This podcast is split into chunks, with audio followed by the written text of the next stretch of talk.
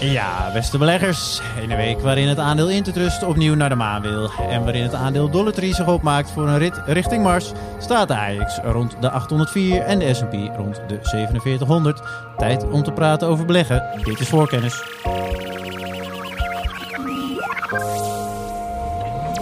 Three ways to make a living in this business.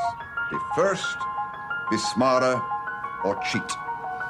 No, I don't cheat. Beleggersbelangen presenteert voor kennis.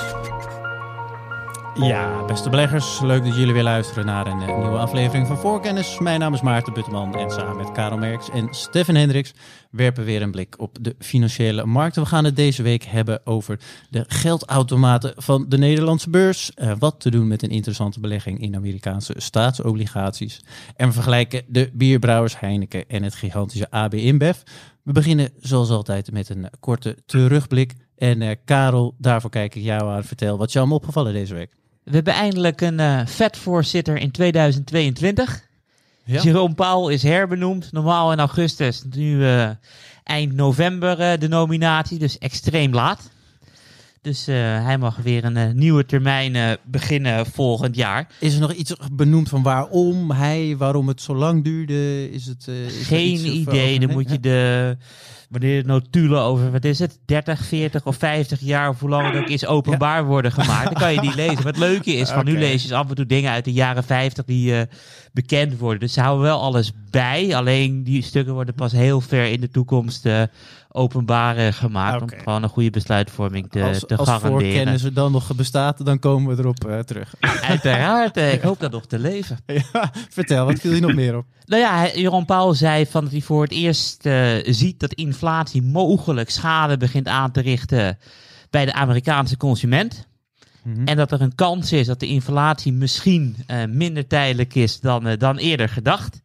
Ja, en we hebben natuurlijk geleerd dat eh, inflatie betekent stijgende rentes. En stijgende rentes betekenen dat technologiebedrijven het zwaar krijgen. Omdat een groot gedeelte van de kaststromen uit de toekomst in de toekomst Mhm. verdiend worden en minder eh, vandaag. Dus we zagen afgelopen week echt raken klappen hoor bij de Nasdaq. Het was echt een hele heftige week. Ja, Want als je dan kijkt, eh, de afgelopen dagen hebben we meerdere dagen gehad dat meer dan 500 aandelen uit de Nasdaq een nieuwe laagste stand van de afgelopen 52 weken eh, hadden bereikt. Eh, dat is heel erg veel. En meer dan? Sorry, hoeveel? 500. Hoeveel Ruim- zitten er eigenlijk? Ik, Poeh, 3000, 4000. Iets Ah, in die orde Ja, van, eh, dus van grootte. 16% ongeveer. En dat was het meeste sinds de coronacrash in maart 2020. Oké. Eventjes wat vergelijkingsmateriaal. We hadden natuurlijk een heftige correctie eh, van de zomer in de Nasdaq. Maar tussen 7 juli 2021 en de herfst ging de Nasdaq met 8% naar beneden. En toen was de donkerste dag dat 349 aandelen. Een nieuwe low van de afgelopen 52 weken bereikt. Dus het, de breast, de ademhaling van de beurs is echt heel, heel erg slecht. Ja. En vooral afgelopen week viel dat contrast op. Want aandelen als Microsoft en Apple, die denderden door naar nieuwe all-time highs. En als Ja. je dan kijkt naar de S&P 500, dan wegen de vijf grootste aandelen voor 26% mee. En in de Nasdaq 100 is dat zelfs eh 40% de vijf grootste aandelen. Dus als je dan gewoon naar de hoofdstand kijkt, dan lijkt nou, een prima beursweekje, niet zoveel aan de hand, maar die grote jongens het hartstikke goed gedaan hebben. Alleen meer dan 500 aandelen hebben op meerdere dagen nieuwe low van de afgelopen 52 weken bereikt. Dus er zijn maar heel weinig eh, locomotieven voor de huidige aandelenmarkt. Oké, daar komen we nog een keer op terug. Lijkt me leuk om een, eh, een afzonderlijk hoofdonderwerp eh, van te maken. Steffen eh, is er ook bij. Steffen, wat is jou allemaal opgevallen deze week? Nou, ik kijk weer terug waar ik vorige week vooruit ging kijken. En dat eh, waren in dit geval de tweede kwartaalcijfers van het Amerikaanse medisch technologiebedrijf Medtronic. Want die hebben een gebroken boekjaar, dus die hadden nu tweede kwartaalcijfers. Die vielen op het eerste gezicht wat tegen. De eh, autonome omzetgroei was ook minder dan verwacht. Mhm. De omzetverwachtingen over het eh, eh, hele boekjaar werden ietsje bijgesteld. 1 procentpuntje ongeveer naar beneden. Maar ja, Medtronic heeft last van corona, heb ik geschreven. Dus ehm, ziekenhuizen voller, dan stellen patiënten en artsen bepaalde chirurgische ingrepen uit. Dan worden er dus minder producten van eh Medtronic afgenomen. Als de intensive care uh, weer vol ligt met coronapatiënten. Dat betekent dat bijvoorbeeld uh, operaties aan hartkleppen uh, tijdelijk worden uitgesteld. Want daarvoor moet je ook nog op de IC liggen. nou, dat hakt er allemaal wel in. Tegelijkertijd, de winstverwachting is gehandhaafd. Het bedrijf staat er ontzettend goed voor. Dus de, de eerste reactie was wat negatief. De dag daarna trok het alweer wat bij. En voor de lange termijn blijft dit gewoon echt een ontzettend goed bedrijf. Kijk eens aan, dat is mooi. En het artikel is overigens te vinden op eh, beleggersbelangen.nl. Daarover gesproken, het blad. Karel, waar heb jij je uh, kort mee bezig gehouden? Ik heb naar Proces gekeken. Oh ja. En zoals iedereen weet heeft Proces echt een enorm belang in het Chinese Tencent. Mm -hmm. En voor het eerst, eerst de beurskoers van Proces met 157 miljard hoger dan de waarde van het belang in Tencent, wat op dit moment op 156 miljard staat. En normaal was het een heel stuk minder. En het is niet gekomen omdat de korting uit Proces is gelopen, maar juist omdat uh, de tientallen bedrijven waar Proces uh, belangen in heeft, uitstekend uh, gepresteerd heeft. En die business wordt nu gewaardeerd op 44 miljard euro. Ja. Dus dat gaat allemaal de goede kant op. Oké, nou ja, prima. En je hebt meteen in je antwoord bij de eerste vraag want ik was benieuwd, zeiden dat de deelnemingen van Proces die het zo goed doen. Maar dat is fijn om te horen. Stefan, jij hebt je ook met het blad bezig gehouden. Wat was het in jouw geval? Ja, ze hebben verschillende dingen gedaan. maar ik schrijf ook over bedrijfsobligaties. Een markt die af en toe wat onderbelicht is. die veel beleggers dan niet zo interessant vinden. Maar er gebeuren wel uh, leuke dingen en soms ook heel erg in contrast tot wat je op de aandelenmarkt ziet. En de afgelopen weken zie je best opvallende bewegingen in de koersen van obligaties die zijn uitgegeven door telecombedrijven. En dat heeft heel veel te maken met overnamegeruchten in die sector. Dus afgelopen week was het Telecom Italia. Er is een bod op uitgebracht door een private equity huis, uh, KKR genaamd. Nou, dat is hartstikke leuk voor de aandeelhouders. Dus het aandeel Telecom Italia schoot dan ook de lucht in. Obligatiehouders natuurlijk wat minder blij, want veelal gaan overnames door private equity partijen natuurlijk gepaard met extra schuld. En extra schuld is natuurlijk meer risico voor de bestaande obligatiehouder. Dus de uh, obligatie Telecom Italia die loopt tot 2033. Die verloor in een paar dagen tijd 4,5%. En dat is voor een bedrijfsobligatie best bevallen. Ja, dat is uh, inderdaad een forse beweging. Dus overal voor de luisteraars, dit is dan een stukje dat niet op de website te vinden is. Althans, tenzij je het digitale blad uiteraard downloadt. En ja, inderdaad een opvallende koersbeweging, Stefan. Ik, ja, ik, was ik zat af te vragen wat, wat eigenlijk een normale respons, wat, wat een wenselijke koersbeweging is. Uh, als er dergelijk nieuws is, wil je dat dat gewoon plat blijft? Wil je dat het helemaal niet beweegt? Nou, eigenlijk is dit wel, het is wel redelijk voorspelbaar natuurlijk. Hè? Dus het is niet zo gek. Dus een, uh, een, een overname uh, waarbij je een premie betaalt op de aandelenkoers is in de regel natuurlijk leuk voor de aandeelhouders. Maar zodra een overname gepaard gaat met de, de kans op nog meer schuld in een bedrijf dat ook al aardig wat schuld had, ja, dan zit je als uh, bestaande obligatiehouder niet helemaal super. Helemaal als je je bedenkt dat Telecom Italia al in de risicovolle categorie genaamd high yield valt. Dan ben je als belegger wel wat voorzichtiger. En dat zie je dan onmiddellijk terug. Dus je hebt vaak een beetje een communicerende vaten. In dit geval uh, dus uh, aandelenmarkt blij. bedrijfsobligatiemarkt niet zo blij. Oké. Prima. Ik kan het artikel niet in de show notes zetten. Wel uh, deze week zal ik in de show notes zetten het brokeronderzoek van beleggersbelangen. Dat deze week uh, is uitgekomen met een, een nieuwe winnaar. Spannend. Voor kennis. Mooie toevoeging nog van Karel. Het is inderdaad uh, spannend. Lekkere teaser naar de website. Ondertussen is het tijd om verder te gaan. En dat doen we aan de hand in dit geval van ja, de geldautomaten van de Nederlandse beurs. Steffen, jij hebt weer een, een leuke analistenrapport onder ogen gekregen. Jazeker, en, uh, ik, ik, vond het zelf ook een leuk analistenrapport. Ik heb het ook aan jullie toegestuurd. Ik weet niet of jullie het niet zo leuk vonden als ik. Want het, um, het was ik zal ook even aan de luisteraars. het was lang. Ik zal ook even aan de luisteraars uitleggen waarom ik dit met een kleine grijns op mijn gezicht vertel. Ik heb namelijk uh, deze week uitgebreid stilgestaan bij een analistenrapport van Credit Suisse over de Benelux verzekeringssector. Nou, verzekeringsaandelen worden natuurlijk vaak als een beetje uh, saai gezien moeilijk te doorgronden. Heel veel jargon hè, eh, zit erin. Uh, lastig om de waarde ervan te bepalen. En ik denk dat een, dat, dat rapport wel een aantal van die, um, van die stereotypen misschien een beetje bevestigde. Want waar je normaal gesproken uh, zegt van nou, de koers-winstverhouding van het bedrijf is zoveel, daarom is het aantrekkelijk. En er zijn fantastische groeimarkten. Is dit een vrij technisch verhaal? En het is een technisch verhaal dat zich heel erg richt op de kapitaalpositie van die bedrijven en hoeveel kapitaal ze kunnen genereren. Dat klinkt nog steeds een beetje suf, totdat je uh, realiseert dat, um, dat als jij de aandeelhouder bent van dit soort bedrijven, dat het voor jou wel heel erg interessant kan zijn. Want wat is het geval? Als je een verzekeraar bent, dan uh, zegt de toezichthouder, nou je moet minimaal zoveel eigen vermogen aanhouden. Die verzekeraars houden allemaal veel meer eigen vermogen aan. En de truc is, hoe meer vermogen je aanhoudt, hoe ruimer die buffer is. En die heet officieel de Solvency 2 ratio. Dus daar ga je al. Dat is al de eerste niet hele lekkere term natuurlijk.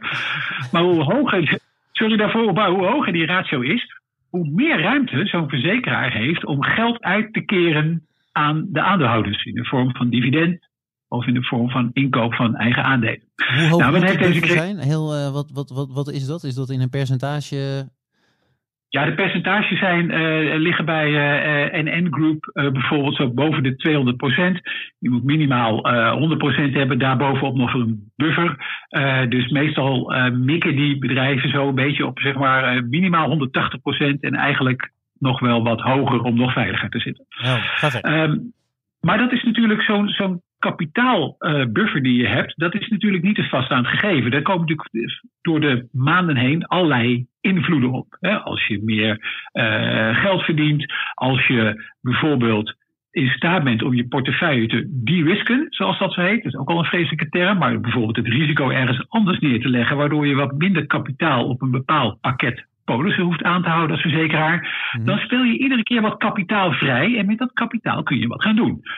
Nou, deze Credit Suisse analist heeft uitgerekend dat die Benelux-verzekeraars, en dan ging het met name om uh, Egon en NN Group, uh, in staat zijn om steeds meer kapitaal vrij te spelen. En dat is hartstikke interessant voor jou als aandeelhouder, want dat betekent dat er in de toekomst ook steeds meer dividend naar jou toe kan.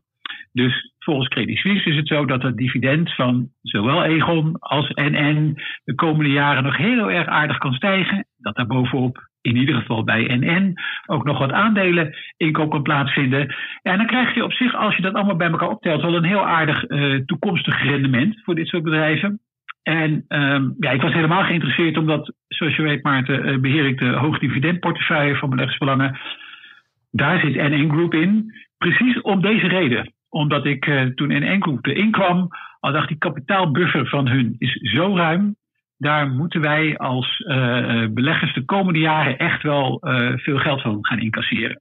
En volgens Credit Suisse staan die Benelux-verzekeraars, dus nog met name die NN en Egon, er ook ten opzichte van de sector hartstikke goed voor. En zij voorzien dus echt jaren van stijgende dividenduitkeringen en, en aandeleninkoop. Vandaar dat ik ze uh, toen we het voorbespraken heeft, dus jullie zei, nou, dit zijn een beetje een soort geldautomaat is het nu eigenlijk. Er komt veel kapitaal in en dat betekent dat er heel plezierig voor jou als aandeelhouder ook weer heel veel kapitaal naar jou als aandeelhouder toe kan. Want was het, hadden ze het dan ook eh, in dit analyserapport, want ik heb het vlucht moeten doen, maar verwezen daarin ook naar de aandelenkoers of was het echt louter de groei van de dividenduitkering?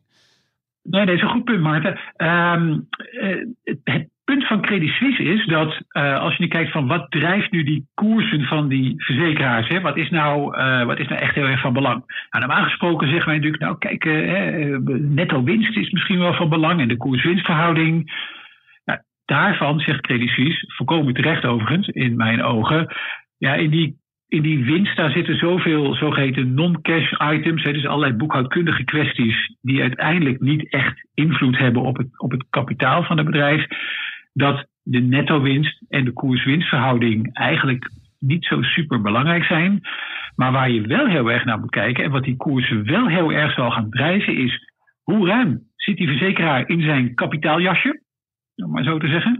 Uh, hoeveel kapitaal denkt die verzekeraar ook de komende jaren nog te gaan genereren door de bedrijfsactiviteiten, eh, door hogere beleggingsresultaten te behalen, door het risico te verminderen en al dat soort maatregelen. Nou, dat zorgt er weer voor dat dat bedrijf niet alleen veel kapitaal heeft, maar dat er ook nog eens een keertje meer bij komt.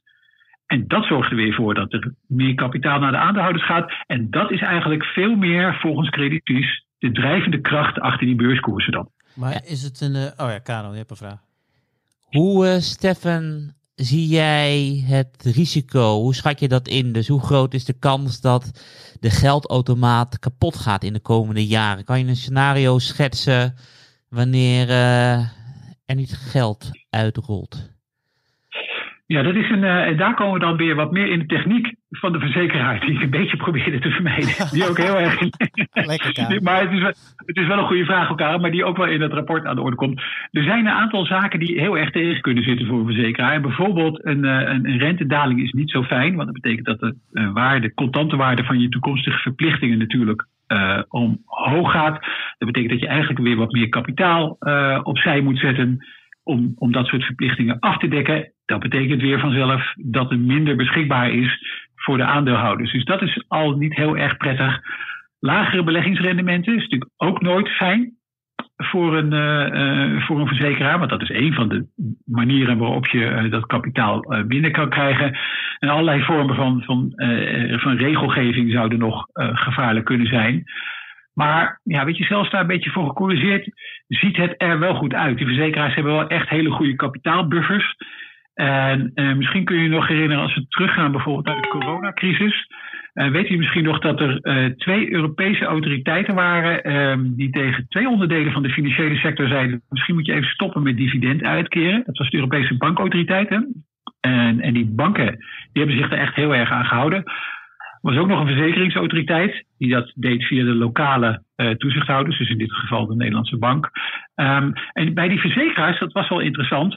eh, de Nederlandse verzekeraars hebben ook zeg maar, netjes even hun dividend niet uitgekeerd. Er was nooit sprake van dat dat niet zou komen. Maar andere verzekeraars in het buitenland die hebben dat gewoon genegeerd en zijn blijven uitkeren, omdat die zeiden: Nou ja, we hebben zo'n ongelooflijk goede kapitaalbuffer. Ehm, ja, daar gaan wij, wij gaan echt niet eh omwille nu van de coronacrisis denken, we keren de dividend maar niet uit. En nog één technische vraag en dan ga ik mijn mond houden.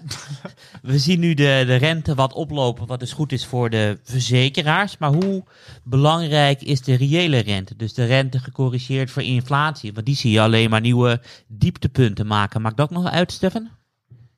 Nou, inflatie is, eh, ehm, is niet zo heel erg van belang voor de verzekeraars. Het, raakt natuurlijk wel misschien iets in hun beleggingsportefeuille, maar als je kijkt naar de verplichtingen die ze hebben, bijvoorbeeld heel veel pensioenverplichtingen zijn eigenlijk in nominale bedragen. Dus dan is het gewoon een bedrag dat uitgekeerd wordt en niet een bedrag gecorrigeerd eh, voor inflatie, bijvoorbeeld. Eh, dus voor hen is de reële rente misschien ook wat minder van belang. Wat wel echt heel erg van belang is, is toch inderdaad de, de, de gewone rente. En ook heel erg van belang is de risicoopslag op bedrijfsobligaties. Op het moment dat dat heel erg uit elkaar knalt, dat die heel erg omhoog gaan. Ja, dat betekent dus dat, eh, dat die beleggers iedere keer, of dat die beleggingen, sorry, in een wat risicovollere categorie vallen. En dat betekent dat er weer wat meer kapitaal tegenover moet staan. Oké, ik ben nog heel eh, kort benieuwd of ik begrijp dat Stefan, stel als ik nu die analist ben, dan Ja. zit ik blijkbaar te wachten op het nieuws dat zo'n verzekeraar zegt van hé, hey, we gaan onze kapitaalbuffer eh, verlagen. Dat, dat is voor hem dan denk ik het meest eh, veelzeggende nieuws. Of begrijp ik je dan verkeerd? Ja, bijna, eh, ik, bijna goed zou ik willen zeggen. Wat, waar deze analist op zit te wachten, zijn twee dingen. Die kijkt naar de uitgangspositie en die zegt die uitgangspositie is goed. Dus die solvabiliteitsratio's, dus die, die veiligheidsmarge, die kapitaalbuffer is goed. En wij zien heel veel mogelijkheden voor die Nederlandse verzekeraars om dat kapitaal verder uit te bouwen. Dus bovenop die buffer die nu al ruim is, kan een ruimere buffer komen. En dat kan door allerlei verschillende manieren zijn. Het heeft bijvoorbeeld ook te maken met kostenbesparingen. Dat, de, dat de bedrijven gewoon efficiënter gaan uh, opereren. Heeft te maken met het slim aan- en verkopen van bedrijven. Bijvoorbeeld van NN. Dat zijn uh, vermogensbeheerdochter de investment partners heeft verkocht. En in ruil daarvoor wat andere verzekeringsactiviteiten heeft teruggekocht. Met eigenlijk een wat gunstiger kapitaalprofiel. Zodat die buffer automatisch alweer verruimd is. Dus die analist die kijkt heel erg voor de komende twee, drie jaar vooruit naar hoeveel kapitaal kunnen die verzekeraars nog extra genereren bovenop die ruime buffer die ze nu al hebben. en wat komt wanneer in welke vorm naar mij toe als aandeelhouder. Oké, helder. Om daarmee te besluiten, volgens mij komt er uh, aan de hand van Michiel Pekelharing volgende week een, een stuk uh, over NN, dacht ik, of AZR in ieder geval uh, live op de website. Tijd om verder te gaan. Voor kennis. En dat gaan we doen aan de hand van een positie op de Amerikaanse staatsobligaties, waar Karel al een tijdje mee zit. Dat is de USD Treasury Bond, Treasury Bond ETF. Ik moet het wel goed uitspreken. Wat is er allemaal gaande, Karel, en waarom moeten we daar naar kijken? Ja, want op het moment dat je kijkt naar de 10-jaarsrente in de Verenigde Staten, dan staat die inmiddels op 1,6. De inflatie staat op 6,2. Dus op het eerste gezicht lijkt het zo dat beleggers in Amerikaanse staatsobligaties knettergek zijn. Uh, maar daarom wil ik graag even mijn positie een beetje verduidelijken. Want ik ben enthousiast geworden over de langetermijn staatsobligatie in het vierde kwartaal van 2018. Ik heb ze toen ook uh, opgenomen bij mijn redactietips. En de reden was eigenlijk redelijk eenvoudig. Uh, de Amerikaanse centrale bank zei toen dat zij de steunmaatregelen van de mondiale financiële crisis op automatische piloot gingen afbouwen. Mm -hmm. Maar ja, en mijn idee was toen de tijd uh, dat de Amerikaanse economie het afbouwen op automatische piloot niet aankon. En dat er problemen zouden ontstaan. En vaak zie je dat als er problemen in de economie ontstaan, dat de lange termijn uh, rente daalt. Ja. Dus ik wil eventjes uh, doorlopen wat er toen gebeurd is. In het vierde kwartaal van 2018 behaalden de langlopende Amerikaanse staatsobligaties een rendement van 5,3. In 2019 was het 18% In 2020 was het 9% En dit jaar staat er voor het eerst ook weer uh, een plus op de borden, 3 Dus wat dat betreft gaat het allemaal de goede kant op. Alleen de grote vraag is van, wat moet ik er nu mee? Nou. En daar worstel ik wel een beetje mee. Want ik weet uh, dat de coupon en de hoofdsom gegarandeerd verlies geven aan het einde van de looptijd. Maar ik weet ook dat op korte termijn uh, koersrendementen uh, kunnen komen. Wat heel even, hier ben ik benieuwd. Ik weet niet hoe het precies. Dit is een ETF, maar die werkt via een coupon. Dus kan je heel voorbij even kort uitleggen. Uh, stel, ik koop hier, ik heb 50.000 hiervan gekocht. 50.000 euro om even makkelijk te doen. En daar zit een coupon uitkering. Dat is één keer per jaar. En dat is dan de, het rentepercentage van de Amerikaanse 10 jaar of zo? Hoe, hoe werkt nee, dat? Nee, het zijn langlopende staatsobligaties Ja. van 20 jaar of langer. Uh, en die coupon wordt volgens mij, moet ik even dubbelchecken, vier keer of twee keer per jaar uitgekeerd. Oké. En, en dat is, met welk percentage? Dat is dus afhankelijk van waar de obligaties dan op staan. Klopt, van die ze hebben gekocht. Wat ik bedoel, de coupon wordt natuurlijk bepaald bij aanvang van het kopen van een obligatie. Ja. En niet op het moment dat de uh, yield to maturity verandert. Oké. Dus en de dan. coupons zijn al vast. Je ziet nu wel elke jaar die coupon dalen. Ja. Alleen omdat uh, de rente de afgelopen jaren per saldo alleen maar gedaald is. Ja. Dan zie je die koers zie je echt enorm oplopen.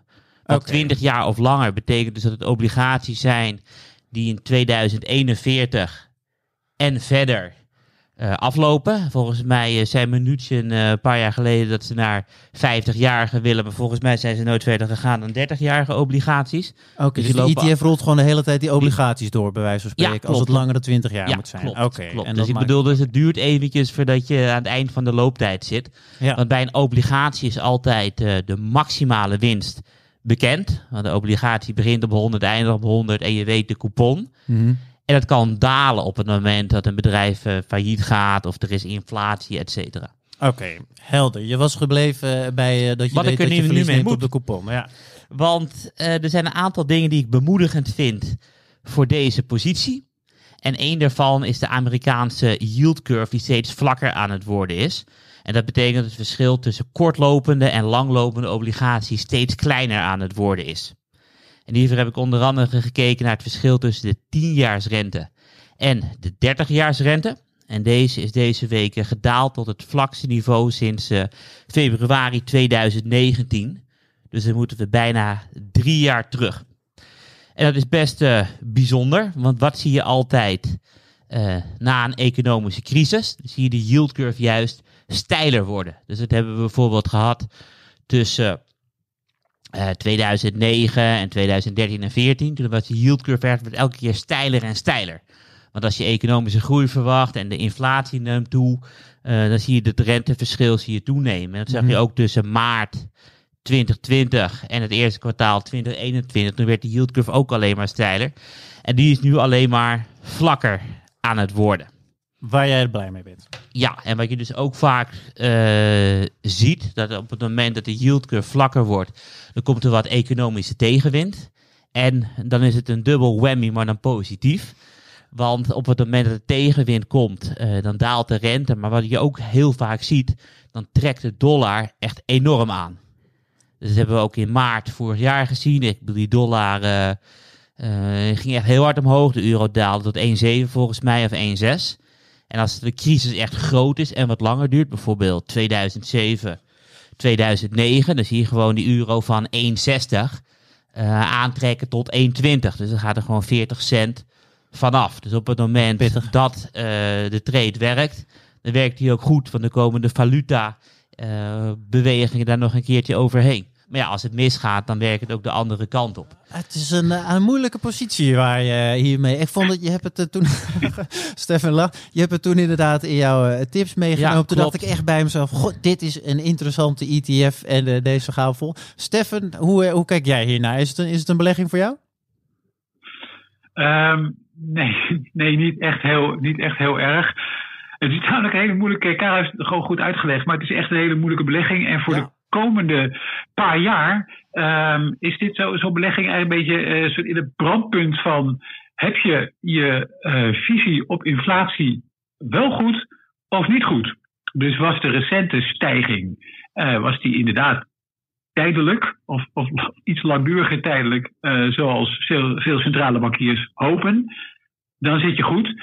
Is dat niet het geval en loopt de inflatie langer door en blijft die over langere tijd vrij hoog, ja, dan wordt het vervelend, want dat betekent dat de inflatie gewoon jaar op jaar jouw coupon opeet en ook een beetje aan, jouw, eh, aan, de, aan zeg maar de reële termen van jouw hoofdsom begint te knabbelen. En dat is gewoon niet zo fijn. En denk jij, Stefan, dat er een scenario mogelijk is van inflatie of toenemende inflatie en blijvende inflatie, terwijl eh, de yield curve niet steiler wordt?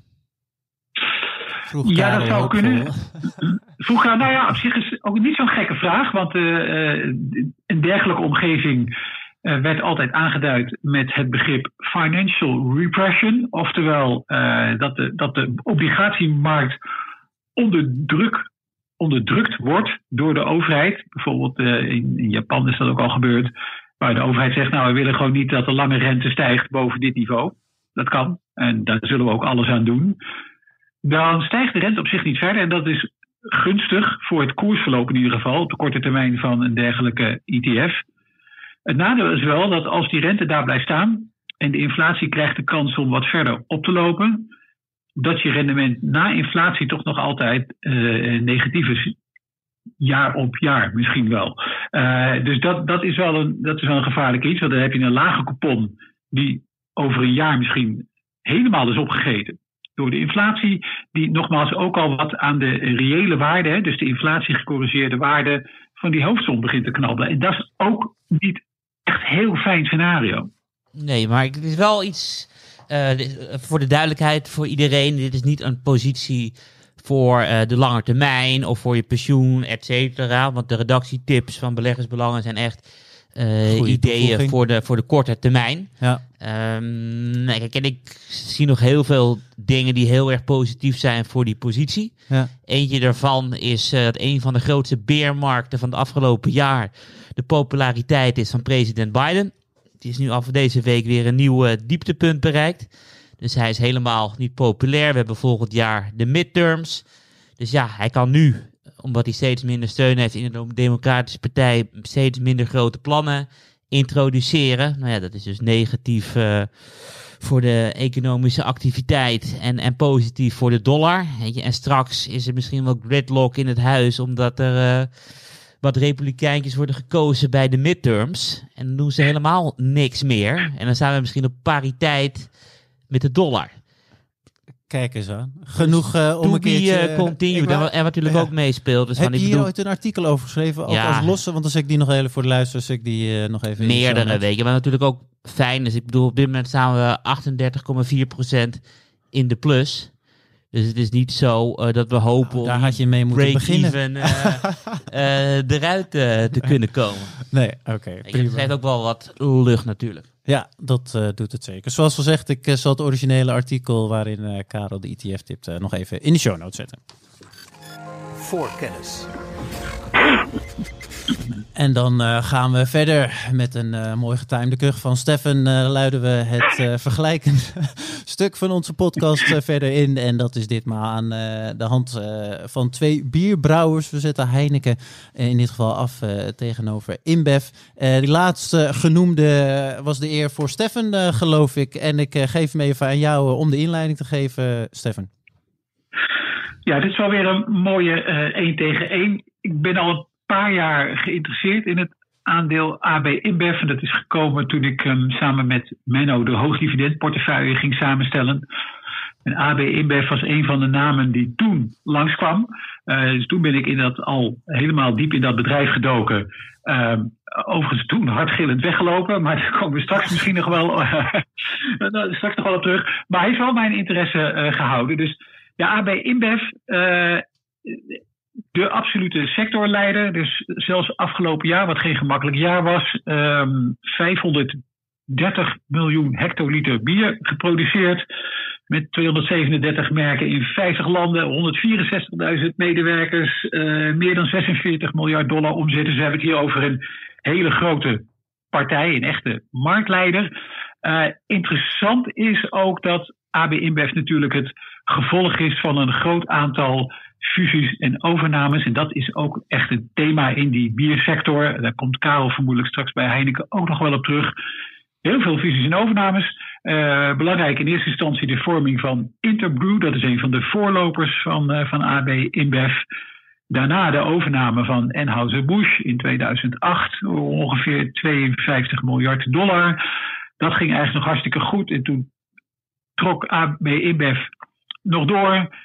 Besloot in 2015, 2016 SAB Miller over te nemen, een Zuid-Afrikaanse brouwerij. Iets groter bedrag, ongeveer het dubbele, 100, 405 miljard. En toen waren ze de absolute marktleider. Ehm, maar die positie is wel tegen enorme kosten gekomen, eh, letterlijk en figuurlijk. Het bedrijf kampt eigenlijk nu nog steeds met de kater van die koopwoede. Kijk eens aan. Ja, je wordt niet zomaar werelds eh, grootste. Dat gaat ten koste van een grote schuldpositie. Daar komen we later nog op terug. Karel Heineken, vertel. Heineken bestaat dit jaar 157 jaar. En de geschiedenis van de Nederlandse bierbrouwers staat vol met eh, hele mooie verhalen. En, en mijn favoriet is dat eh, voor het einde van de Afrikaanse drooglegging meneer Heineken al schepen stuurde met bier richting Amerika voor het geval dat eh, de drooglegging eh, eraf zou gaan. Nee, joh. Dus binnen twee dagen na de drooglegging eh, werden de schepen van Heineken gelost. En sindsdien is Heineken het meest succesvolle geïmporteerde bier in de Verenigde Staten. Kijk eens aan. En Heineken is ook in, in meer dan 190 landen aanwezig. Dus ook overal op de globe. Er werken iets minder mensen dan bij AB InBev. Maar ja, 84.000 mensen is nog steeds een hoop. Eh 20 miljard omzet per jaar en Heineken produceert eh, 222 miljoen hectoliter bier. En ik had me helemaal niet gerealiseerd, dat doe ik nu pas. Eh want Stefan zei dat AB InBev volgens mij ruim 500 miljoen hectoliter bier produceerde volgens mij. Ja, Ja, 530. 530. En als deze, ik, ga, ik ga nu in de uitzending rekenen, dat had ik nog niet gedaan eh, voor de uitzending. Dus corrigeer me als ik ernaast zit. Ik bedoel, ruim 200 plus ruim 500 is 700 miljoen hectoliter bier. Een hectoliter is 100 liter.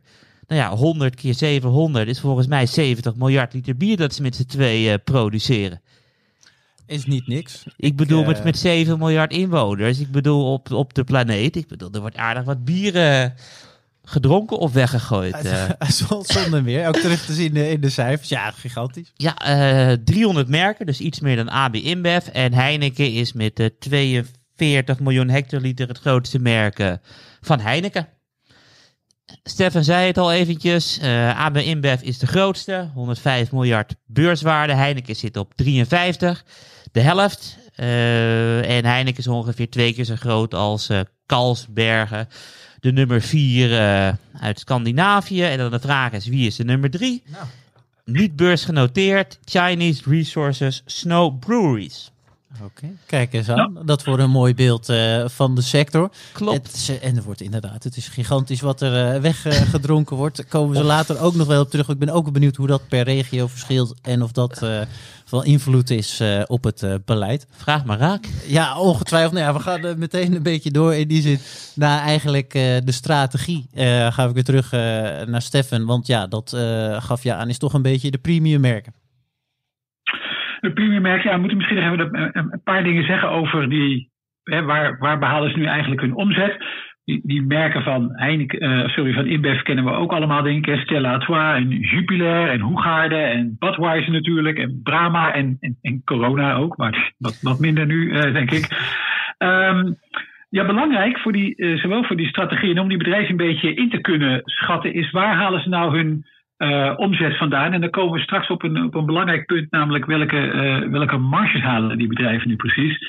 Als je naar eh, AB InBev kijkt, dan, hebben, dan is een van de interessante dingen is dat ze relatief weinig omzet halen in West-Europa, een wat lastige markt.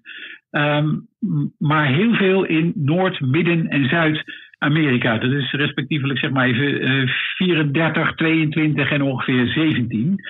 En dan ook nog eens een keertje ruim 12% in Azië. Dus het is een, een bierbrouwer die wat eh, meer naar de opkomende markten is. Oké, opkomende markt. Hoe zit dat bij Heineken? Ka? 70% eh, zijn Europeanen en Amerikanen. Hoeveel, sorry? sorry? 70. Ja. En de rest van de wereld is, eh is 30%. Dat is Dus wat. Stefan inderdaad zegt, meer eh, West-Europa. En het is misschien een leuk bruggetje eh, naar de marge, te, Stefan, toch? Ja, vertel Stefan, want jij gaf aan dat dat hetgeen is waar we naar moeten kijken. Ja, en dat is eh, in ieder geval het, hetgeen dat mij heel erg verbaasde. En wat ik ook nog even twee keer heb gelezen. En nog een keertje aan Karel heb gevraagd. Dus die moet het wel kloppen. De, eh, de, de operationele winstmarges van AB InBev zijn echt opvallend hoog. In het algemeen vind ik me ook in die sector. Dus als je kijkt naar de operationele winstmarge als in operationele winst hè, voor rente en belastingen. Dan is dat was dat zelfs afgelopen jaar, en laten we wel wezen, 2020 was voor die bierbrouwers natuurlijk een hartstikke lastig jaar. met alle sluitingen natuurlijk van restaurants en hotels. Was die operationele winstmarge toch nog steeds 27% En dat is volgens mij, Karel, echt een klap hoger dan bij Heineken. 12,3 in de pandemie 2020 jaar. Waar komt dit verschil vandaan? Nou, daar heb ik ook een eh, goeie, hele goede vraag, Maarten. En een vraag die, waar ik ook al een tijdje mee bezig ben geweest. En eh, verschillende eh, analistenrapporten en analisten ook geraadpleegd. Een van de belangrijkere factoren lijkt te zijn. Juist dat AB InBev redelijk geconcentreerd zit in die opkomende markten. Waar AB InBev zelf een hele sterke positie heeft ten opzichte van zijn klanten. Of dat nu eh, zijn zeg maar de, de restaurantketens, hotels, maar ook gewoon de consumenten. Uh, dus de marktpositie van AB InBev is daar vrij sterk. Waardoor AB InBev ook, wat we al vaak hebben genoemd in deze podcast, veel pricing power heeft. Hè. Dus ze, ze, zijn in staat om, om de prijzen relatief hoog te houden. Ze, ze opereren ook heel erg kostenefficiënt. Uh, en ik denk dat dat eigenlijk de belangrijkste reden zijn waarom die marges hoog liggen. Want AB InBev is dus niet zo in die West-Europese markt, dat een lastige markt is die niet zo heel erg hard groeit, waar misschien de, de pricing power ook wat minder is, waarin je ook te maken hebt als bierbrouwer uh, met partijen aan de andere kant, dus uh, beursgenoteerde pub, caféketens bijvoorbeeld, die zelf ook al wat groter zijn, wat allemaal een wat, uh, misschien een wat negatievere invloed op de operationele marge heeft. Karel, als Heineken naar dit cijfer kijkt, zitten ze dan niet met vraagtekens? Ik denk dat zij dat ook realiseren.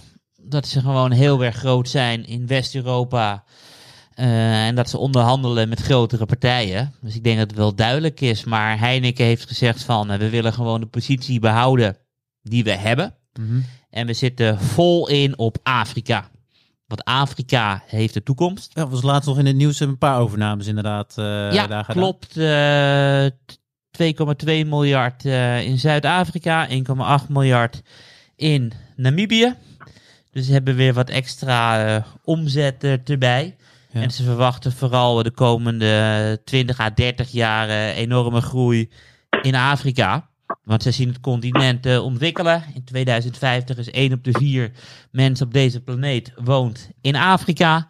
En vaak zie je dat op het moment dat je van de onderklasse eh, een beetje doorgroeit, je krijgt een beetje geld. Het eerste wat je gaat doen is bier drinken. Dat hebben wij in het Westen zo eh, gedaan. En dat zijn die Afrikanen met de eerste daad zijn ze het ook aan het doen. En op het moment dat je eenmaal ietsje meer verdient, dan eh, drink je een pilsje minder. Maar stap je bijvoorbeeld over naar premium bier of wijn of sterke dranken, eh, et cetera. Ja. Dus ze denken van vol inzetten op Afrika. En ze zien dus ook dat de bierconsumptie in West-Europa daalt. Maar het wordt meer dan gecompenseerd eh, voor de groei in Afrika. Oké, helder. Ze hebben niet zoiets van eh, de premium dure merken hier in West-Europa. Dat eh, daar zit marge in of kansen, blijkbaar. Ja, nee, ze richten ook op Beyond Bier, noemen ze dat geloof ik. Dus gewoon meer dan, eh, dan bier. Dus ze richten ook op premium. Ze hebben her en der ook een, een wijntje of een, een 0%, omdat wij in het Westen ook een gedeelte van de bevolking minder alcohol gaat drinken. Dus ze zitten toch wel gewoon vol in op de markten waar ze gewoon een marktleider zijn. Ja. Alleen ze willen, willen groeien in Afrika. Oké, nou ja, helder. Stefan, is dat eh, nog een, specifieke extra regel bij InBev ook? Of eh, ook nog premium merken waar naar gekeken wordt? Ja, zie, je je ziet toch, eh, Maarten, dat die strategie van eh, AB InBev en Heineken wel redelijk overlapt. Hè? Want eh, bij AB InBev kom je ook het woord premiumisering, vreselijk woord, Nou. eh, wel tegen. Het, eh, ja, hetzelfde principe natuurlijk. Hè? Proberen eh, via marketinginvesteringen een bepaald merk inderdaad neer te zetten als een, eh, als een soort luxe, luxe bierenmerk. Nou, dat is, dat is een van de speerpunten die AB InBev heeft dan zie je natuurlijk ook wel, hè, bier is alcohol, is natuurlijk in principe niet gezond. Ook iets waar overheden eh, misschien ook wat van vinden. Dus wat zie je dan ook? Dat er een trend ontstaat in wat men dan ehm, eh, health en wellness noemt. Nou ja, dan moet je vooral eigenlijk denken aan de eh, 0% alcohol bieren. Hè. Nou ja, dat is ook een markt waar men in zit. Dan kom je natuurlijk bij andersoortige eh, eh, dranken nog, de, de hard seltzers, zoals die eh, heten, waar de markt overigens ook alweer wat minder wordt. En, en ook dat is niet nieuw, investeren in, ehm, in technologie, in het bijvoorbeeld het direct bereiken van consumenten. En in het geval van AB InBev eh, ook het direct bereiken van MKB. En dan met name weer ook in, eh, in Midden- en Zuid-Amerika. Ook via digitalisering, dat heet dan de Bees eh, waarin dit soort kleinere afnemers van alles nog wat kunnen regelen. Makkelijk hun orders kunnen plaatsen, facturering, et cetera, voorraadbeheer. Allemaal daar kunnen regelen. En zo probeert ehm AB InBev ook zeg maar, wat nieuwe kanalen weer aan te boren. Ja, nou ja, het is op zich, ik kan me voorstellen dat als niet eh, Albert Heijn de boel bezorgt, maar dat ze zelf gewoon een eh, vrachtwagentje langsturen, dat daar veel winst eh, te behalen valt. Oké, en verder, ik ben even nog de risico's en misschien ook nog aandeelhouders gegeven, de overnames, zijn die, spelen die een rol van, spelen die, sorry, sorry, spelen die nog een rol, hè? Karel, ik kijk heel even naar jou om eh, te beginnen. Nou ja, een van de grootste risico's van de toekomst is natuurlijk eh, klimaatverandering. Mhm. En door al deze battles die ik met Stefan en met jou doe, valt me op eh, hoe goed de marketingspecialisten tegenwoordig zijn eh, van eh beursgenoteerde bedrijven. Want het maakt niet uit wat je leest. Iedereen zegt eh, hoe fantastisch ze wel niet zijn eh, met duurzaamheid. Ongetwijfeld. Uiteraard ook Heineken. Ik bedoel, sinds 2008 eh 51% minder koolstof uitgestoten. En ze verbruiken de afgelopen 10 jaar een derde minder water. Dus ik ben steeds minder eh, naar dat soort data aan het kijken, maar juist meer naar externe bronnen. En je hebt een partij dat heet eh, Sustainalytics. En zij onderzoeken alle wereldwijde beursgenoteerde bedrijven op hoe sustainable zijn ze, op de criteria die zij eh, hebben ontwikkeld.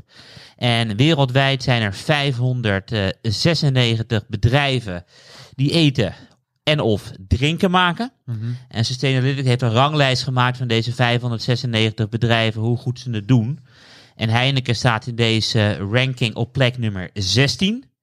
Wat echt heel erg eh, hoog is. Dus eigenlijk staat in de top drie van beste bedrijven qua duurzaamheid uit de sector eten en drinken. En dat betekent dus dat ze die duurzaamheid risico's als een van de beste onder controle hebben. Oké, prima. En het is niet zo dat ze nu zo bijvoorbeeld inflatie, ik noem maar wat prijzen van eh, grondstoffen die zij nodig hebben. Wordt dat wel- wellicht nog eh, als, een, als een ding genoemd? Of Dat is heel erg bijzonder, power, want ik bedoel, de afgelopen battles ben ik ook altijd op zoek gegaan naar problemen in de wereldwijde supply chain en inflatie. mhm. En het meest opvallende van de derde kwartaalcijfers die in de laatste week van oktober zijn uitgekomen, wordt helemaal niks gerept over die dingen. Oké. En eh, bij AB InBev, eh, Stefan? Ja, de, een van de redenen waarom daar misschien voorlopig nog even wat minder aandacht voor is, voor die inflatie bij bijvoorbeeld of het nou gerst is of allerlei andere grondstoffen die eh, genomen worden, is dat ehm, da- die, die risico's worden ook veel afgedekt. Al met, eh, met doorrollende future contracten. Ehm, en, en daardoor, ja, het zal een effect hebben, maar dat eilt wel wat na, denk ik. Dus ik vermoed dat we daar, als die prijzen echt heel erg hoog blijven, dat we daar zo eh, in, in, in 2022 nog wel het een en ander over gaan horen, volgens mij. Omdat er dan, ja, dan moeten of die contracten weer opnieuw afgesloten worden. Dus dan zul je die impact wat meer gaan eh, merken, denk ik. Eh, AB InBev overigens ook min of meer hetzelfde verhaal. Ik weet niet op welke eh, ehm, plek ze staan in de Sustainalytics eh, Index. Maar wat Karel een beetje vertelt over Heineken, die dingen lees ik ook terug bij AB InBev. En als je het over risico's hebt, Maarten, bij AB InBev, ja, dan heb ik ook vooral weer heel erg gekeken naar de financiële doelstellingen van het bedrijf, want daar zitten eigenlijk de risico's in. Dus als je naar AB InBev kijkt, dan zeg nou, we hebben eigenlijk vier financiële doelstellingen. We willen investeren in gewoon in onze autonome groei. Dan willen we zorgen voor schuldafbouw, beperkte fusies en overnames. En dan op plek vier uitkeringen aan aandeelhouders. Nou, dat zegt je al een hoop. En ik zou denken dat punt 2, schuldafbouw, dat is echt het ding van ehm, AB InBev.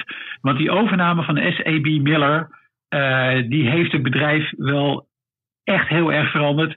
En heeft de koers ook heel erg veranderd. Heeft aandeelhouders uiteindelijk gewoon een bak met geld gekost.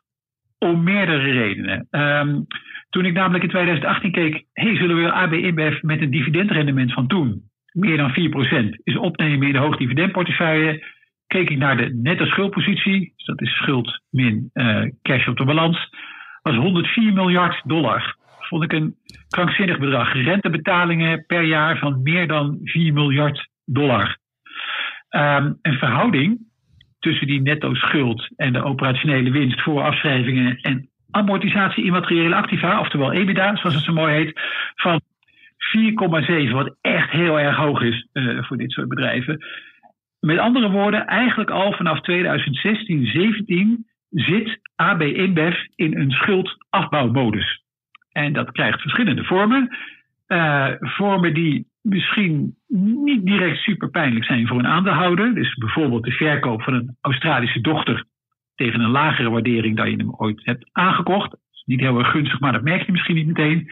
Wat je wel meteen merkt als aandeelhouder is het dividend. En uh, er was een tijd dat AB InBev, uh, nou dat was zo 2018 nog, nou zo ongeveer 2017 moet ik zeggen, zo ongeveer 3, niet ongeveer 3,60 euro per aandeel uitkeerde. Maar dat zag ik toen al dat volgens mij het dividend volkomen onhoudbaar was. Nou, dat bleek ook, dus dat halveerde het jaar daarna naar 1,80. Vervolgens naar 1,30. En over het afgelopen jaar is 50 cent uitgekeerd. En dat zegt je denk ik alles over de financiële positie van AB InBev. Want je wil dat natuurlijk niet graag als bedrijf, dit soort dividendmaatregelen nemen. Het feit dat dat toch moet, geeft al iets aan. Want nog steeds ligt die verhouding tussen uh, netto schuld en um, EBITDA bij AB InBev hoog, zo rond de 4,8. En even voor, om je een idee te geven, op termijn wil AB InBev naar een verhouding van 2 toe. Nou, dan moet er natuurlijk nog wel wat gebeuren. Um, positief, in ieder geval wat ik kan zeggen in het voordeel van AB InBev, is dat ze wel een, een hoop hebben gedaan om die schuldpositie in ieder geval enigszins eh, beheersbaar te maken. Dus ze hebben geprobeerd eh, bestaande leningen om te zetten in leningen met een langere looptijd en een vaste coupon, waardoor de gemiddelde resterende looptijd eh, van die leningen 16 jaar is. En de coupon die ze moeten betalen 4%. Oké. Nou, de, kom- de komende jaren hoeven ze er niet superveel af te lossen. Dus 22, 23, en 24 en 25 is toch wel oké.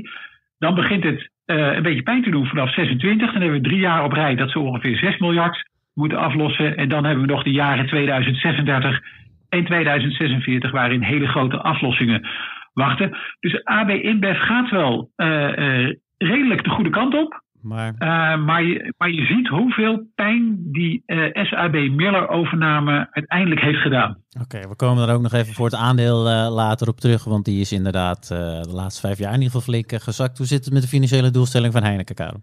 De financiële doelstellingen. Voor zover je die eventueel eh, paraat hebt, waar mikken ze op? Ja, kijk, ze willen vooral ehm, groeien. Ehm, en ze hebben afgelopen jaar zijn ze gekrompen, want ze hadden 240 miljoen eh, hectoliter in 2019 en nu is het eh 220.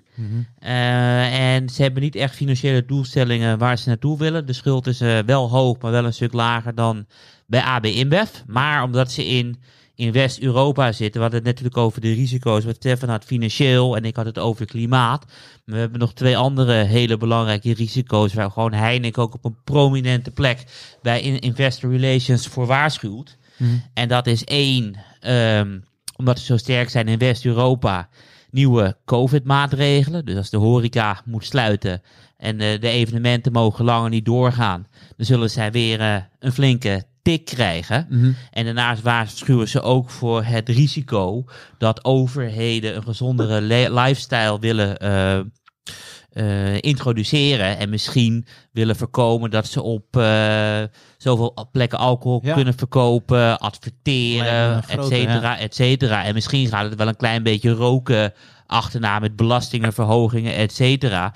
En aangezien ze echt eh, het grootste gedeelte van de omzet is nog altijd alcoholproducten. Dus dat is Ja. echt, eh, echt een risico. eh. Echt een gigantisch. En voor de rest, omdat Heineken zich niet met die grote overnamestrijd een aantal jaren geleden bemoeid heeft, heeft het wel meer ruimte om nu gewoon mooie bedrijven te kunnen oppakken in Namibië en Zuid-Afrika, echt groeimarkten. En heeft er geen last van de grootste speler ter wereld, die gewoon de schuld eventjes flink wil afbouwen. Nee, het is dan inderdaad wel een groot eh, verschil. Het is wel een interessant punt, want stel ja, dat alcohol op een gegeven moment eh, tabak achterna gaat, dan eh, ja, kom je natuurlijk toch wel in problemen. Zijn de Heineken Ja, eh, dat- InBev?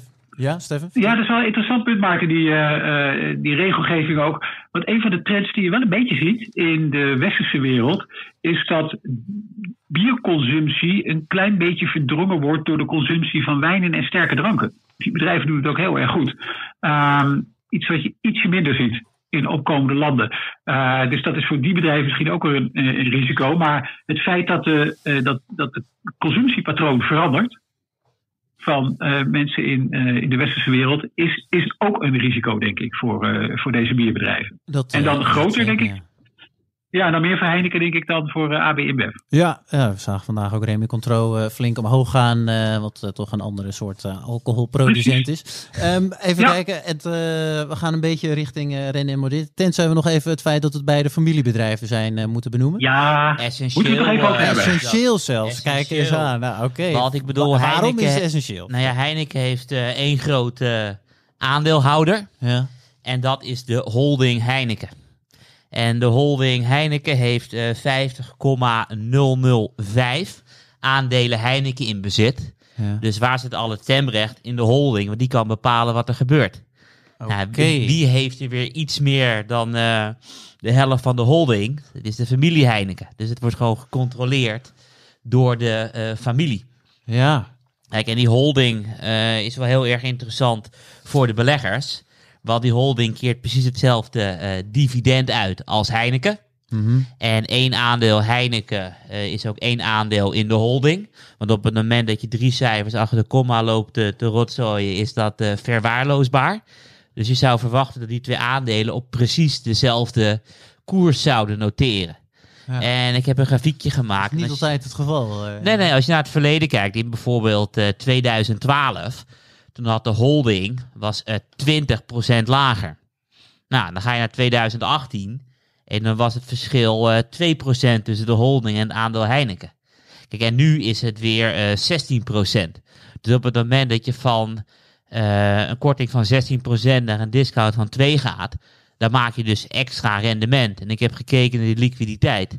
En op het moment dat jij echt vele miljoenen erin wil pompen, dan kun je het beter in aandelen Heineken doen. Maar ja, op het moment dat je een kleine particuliere belegger bent, uh, is misschien wel die holding nu interessant. Omdat die holding gewoon nu met 16% echt bij de hoogste, hoogste percentage zit van de afgelopen 10 jaar. Oké, kijk eens aan. Nou, dat is een, alvast een advies uh, tussendoor voor de luisteraar. Stefan, hoe zit het met uh, de invloed van familie bij ABM? Ja, eigenlijk zouden uh, die moeten misschien ook kijken of die in de show notes even kunnen zetten. Uh, iedereen zou eigenlijk even naar het uh, organogram van de shareholder structure van AB InBev moeten kijken. Dat is bijna een soort spelletje waar je de, waar je de lijntjes naar verschillende vakjes kan, kan, kan kleuren. Okay. Het is een beetje een, een ratje toe van holdings.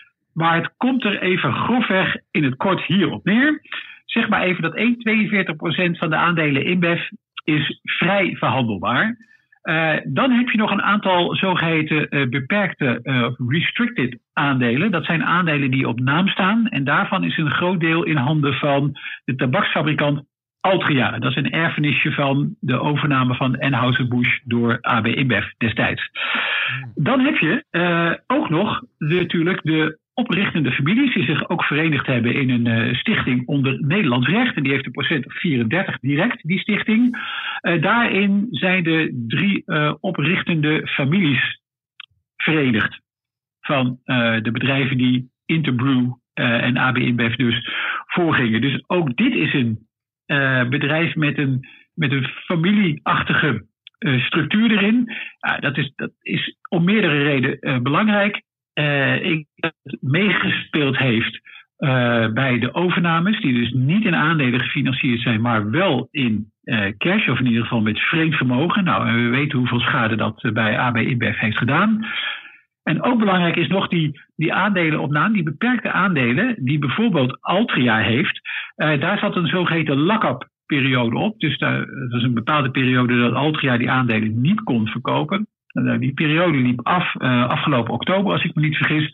Toen schrok iedereen een beetje, doordat, want toen dacht men, komt er nu opeens 10% van het aandelenkapitaal van AB InBev zomaar op de markt.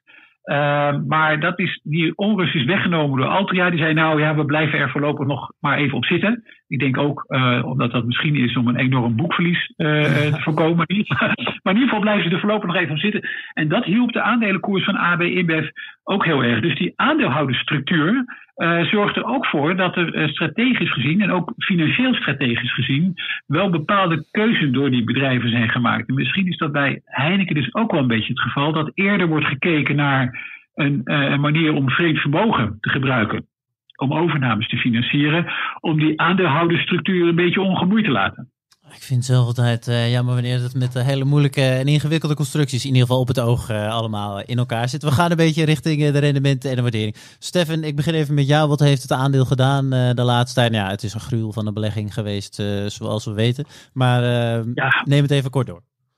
Nou ja, kijk, je wordt er niet, je wordt er niet blij van. Dus over year to date, over 1, 3, 5 uh, tien jaar is het allemaal geen. Uh, ja, het blijft eigenlijk AB InBev achter bij zowel uh, Heineken als Carlsberg en Fors achter ook. Karel stuurde een heel mooi grafiekje over de periode tot aan 2015. Toen had AB InBev een fantastisch rendement. En Karel kan dat straks nog wel, denk ik, even noemen. Maar die overname van SCB Miller, dat was gewoon echt een, een, een, klap in de nek. Dus als je, als je, dat, uh, uh, nou, als je die meeneemt, hè, dus over de afgelopen nogmaals 1, 3, 5, 10 jaar, was het afschuwelijk. Wat ik altijd wel heel erg veelzeggend vind, en ook heel erg pijnlijk eigenlijk is, um, als wij gaan uitrekenen welk rendement je met het aandeel had kunnen behalen, dan kijken wij natuurlijk ook altijd over een langere periode, bijvoorbeeld tien jaar. En dan zeggen nou, wat nu als je het aandeel had gehad en het dividend had ontvangen. En dat dividend iedere keer had herbelegd in nieuwe aandelen, zodat die mooie vliegwielconstructie ontstaat. Dan krijg je toch een mooi rendement. En wat altijd een beetje treurig is, vind ik, is het volgende. De AB InBev, dus een tien jaar lang rendement. Ehm, als je dan kijkt over het totaalrendement, eh, is bijna 60 procent. En dat, eh, dat bestaat voor eh 22,8% uit, ehm, eh, uit koerswinst. En de rest is dus herbelegd dividend. Maar als je nu dat dividend niet had herbelegd in aandelen AB InBev, maar je had het die 10 jaar lang tegen 0% op de bank gezet, dan had je een totaalrendement van ruim 75% gehad. Ja, dat is altijd wel een pijnlijke statistiek, vind ik. En hoe kijk je er nu naar? Nou, nu eigenlijk veel beter. Ik denk dat eh, eh, eh, zowel de waardering, dus de, de koers-winstverhouding over het lopende jaar, is ongeveer 20. Het dividendrendement, nou, het dividend is natuurlijk verlaagd, dus het dividendrendement is niet veel. Dan zit je rond de 1%. Maar ehm, ik denk dat AB InBev de komende drie à vier jaar in staat moet zijn om die netto schuldpositie af te bouwen tot die schuldratio van 2, waar ze eigenlijk naartoe willen. En ehm, ze hebben natuurlijk een vreselijke eh, periode achter de rug gehad qua eh, koersrendement. Ik vind dat ze er nu in ieder geval veel beter voor staan. Ze zijn ook de coronacrisis veel beter eh, doorgekomen. Dus in tegenstelling tot zeg maar medio 2018, toen ik voor het eerst echt serieus naar het aandeel AB InBev ging kijken en ik dacht nou, no way dat ik dit ooit in portefeuille ga nemen, ehm, is, sta ik er nu in ieder geval een stuk positief tegenover dat doen. Oké, Karel, Heineken. Heineken is een eh, fantastisch verhaal geweest in het verleden. Ze stonden op een tientje in 95, twee tientjes in 98, vier tientjes in 2007, acht tientjes in 2015 en eh, vorig jaar voor het eerst eh, tien tientjes, 100 euro. Ja. Dus wat dat betreft gaat het hartstikke goed eh, vanaf 95. Het totaalrendement is 1335 procent. Dan verslaan ze de AX met eh 880 procent.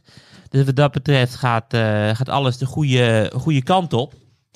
Eh, het enige waar ik wel eh, mee worstel, Ja. is dat op het moment dat er eh, lockdowns komen, worden die cijfers van Heineken wel, eh, wel heel erg slecht. Want zoals jullie weten, kijk heel vaak naar de verhouding eh, tussen kaststroom en de beurswaarde van het bedrijf. Mhm. En afgelopen week heb ik natuurlijk eh, onder andere PostNL en Randstad behandeld. En het viel dus op dat PostNL en Randstad eh, in maart eh, 2023 de verhouding eh, tussen kaststroom en beurswaarde echt flink zagen oplopen. Dus een steeds groter gedeelte van de beurskoers eh, was kaststroom, vrije kaststroom. Kijk, en, en Heineken zie je gewoon naar beneden eh, donderen. Want ze hadden in, eh, in maart eh, ging het van, wat had ik het ook alweer opgeschreven? Van eh 5% naar 2%. Dus hoe PostNL alleen maar meer kaststroom kreeg, dan kreeg Heineken alleen maar minder. Omdat die lockdowns er keihard inhakten. Ja. En als je bijvoorbeeld kijkt naar de financiële crisis. Toen zag je dus eh, tussen 2007 en, eh, en 2009 eh, de verhouding vrije kaststroom en beurswaarde omhoog gaan. Van 2,5 naar, naar 8 procent. Dus werd Heineken steeds goedkoper. En nu werd het juist gewoon duurder in een crisis. En op zich hou ik daar niet van. Helemaal als er weer nieuwe lockdowns mogelijk aankomen. Of mogelijk een virusmutatie. En het risico is er met een PostNL en Randstad is er niet. Oké, dus een, een leuk aandeel, maar wel met een eh, kanttekening. Nou, dat is een mooie manier om eh, daarmee eh, te besluiten. Gaan we nog even kort eh nog- vooruitblikken. Oh, ja. Nog één dingetje, nog één dingetje, maar ik moet nog wel een, allerlaatste. En dan zeg je dat ik mini- altijd een- rek. Ja. een, een mini-risicootje bij eh AB InBev is wel een valutarisico. Want hoe meer je in op- opkomende landen zit, eh, hoe meer geld je daar verdient, hoe eh, ongunstiger het soms kan zijn als je dat weer om gaat rekenen in, eh, in dollars. Dat gezegd hebben, blijf ik toch bij mijn standpunt dat ik eh AB InBev er nu eh, aanmerkelijk beter voor vind staan dan een paar jaar geleden. Oké, helder. Voorkennis. Mooi. ja. Last minute toevoeging eh, nog daar. We gaan kort vooruitblikken. Karel, waar kijk jij allemaal naar de komende week? Waar allemaal de olieprijs. Want Ja. de, deze week heeft de Amerikaanse overheid de speciale olievoorraden vrijgegeven. Een gedeelte daarvan. En waarom heeft een land speciale eh, oorlogs, of, eh, eh, olievoorraden? Omdat als er bijvoorbeeld oorlog is of er is een grote natuurramp, dan wil je gewoon dat de energieleving gegarandeerd is. Nou ja, is Amerika in een grote oorlog beland? Nee. Is er afgelopen weken een natuurramp geweest? Nee. Is er een probleem in de aanlevering van olie? Nee. Alleen wat ik dus al vertelde, de populariteit van Biden gaat door het putje. En dan moet je af en toe uh, moet je maatregelen nemen om uh, de bevolking blij te maken, die gewoon op lange termijn uh, een beetje met de regels in de kling liggen. Dus hij heeft de olievoorraden vrijgegeven. Hij heeft het niet alleen gedaan. Hij heeft een aantal landen bereid gevonden om met hem mee te doen. Mm -hmm. zijn vooral ook landen die weinig olie winnen. Denk bijvoorbeeld aan, aan India, et cetera. Dus al die reserves werden vrijgegeven gecoördineerde actie. Wat deed de olieprijs? Die schoot meteen uh, een paar procent omhoog. Oké. Okay. En wat, dat, dat, zou je dus niet verwachten, want het doel was om de olieprijs uh, te laten dalen. Ja. En dit bevestigt mijn mening alleen maar hoe sterk de huidige boelmarkt in olie is. Dat zelfs het vrijgeven van uh, tientallen miljoenen vaten alleen al in Amerika niet voor een daling van de olieprijzen kan gaan zorgen. En daarnaast is het heel erg opvallend dat in het verleden een stijgende olieprijs bijna altijd samenviel met een dalende dollar. En in de afgelopen zes maanden is de dollar gegaan van uh, 1,22 naar uh, 1,12. Dus de dollar is echt flink stijger geworden. Dus je zou verwachten dat de grondstoffen omgekeerd uh, gecorreleerd zijn met de dollar. Maar dat was niet zo. Olie ging van 65 naar 80. En ik geef je nu alweer op een briefje, als de dollar gaat verzwakken, dan kan olie wel eens meer omhoog gaan dan de meeste mensen denken. Kortom, ik ben heel erg nieuwsgierig naar de olieprijs uh, volgende week. nou, ik weet niet of het kortom was, maar Stefan, waar kijk jij helemaal naar? Nou, ik zal het proberen korter om te doen. Uh, ik kijk uh, met, uh, met heel veel interesse naar het um, politiek monetaire experiment van president Erdogan in, in Turkije, waar natuurlijk de lira, lira afschuwelijk door het putje gaat. En, en allerlei uh, onbedoelde consequenties heeft. Bijvoorbeeld dat je uh, moeilijker bij een uh, Apple shop kan, kan bestellen in, in Turkije. Of er soms niet inkomt om nieuwe producten te kopen. Het heeft waarschijnlijk ook impact op kapitaalpositie van Turkse banken. Ik ben gewoon ontzettend benieuwd hoe dit, hoe dit afloopt. Want dit is eigenlijk wel een, nou, voor, voor een land best een gevaarlijke ontwikkeling wat er nu plaatsvindt. Het is gewoon een heel slecht signaal als beleggers massaal, maar ook echt massaal het vertrouwen in je valuta verliezen. Denk okay, jij dat, uh, dat uh... Turkije het risico heeft om als een domino-steentje door de opkomende markten te gaan, of is het een geïsoleerd geval? Nou, ik denk ook gezien de, de retoriek en wat er allemaal gebeurt bij de Turkse centrale bank en eigenlijk dat er uh, dat de rente verlaagd wordt, waar zeg maar het uh, orthodox monetair beleid zou zeggen, je moet de rente omhoog doen als de inflatie hoog is uh, en je munt heel zwak, dat, dat het vooralsnog veel meer een, uh, een probleem is in dit echt een Turks probleem, om het maar zo te noemen. Dat wil niet zeggen dat er niet andere opkomende landen zijn met hele zwakke valuta, maar die hebben dan weer meer hun eigen problematiek, denk ik. En uh, met die noot komen we toch eindelijk, uh, uiteindelijk aan het einde van uh, deze show. We gaan binnenkort kijken of we een vragen-inzendingsshow kunnen doen. Mail daarvoor je vragen naar voorkennis.beleggersbelangen.nl. Karel, dank voor de, de, ruime aandacht die je weer besteed hebt aan het onderwerp. Stefan, jij ook. En tegen de luisteraar zeggen we tot volgende week.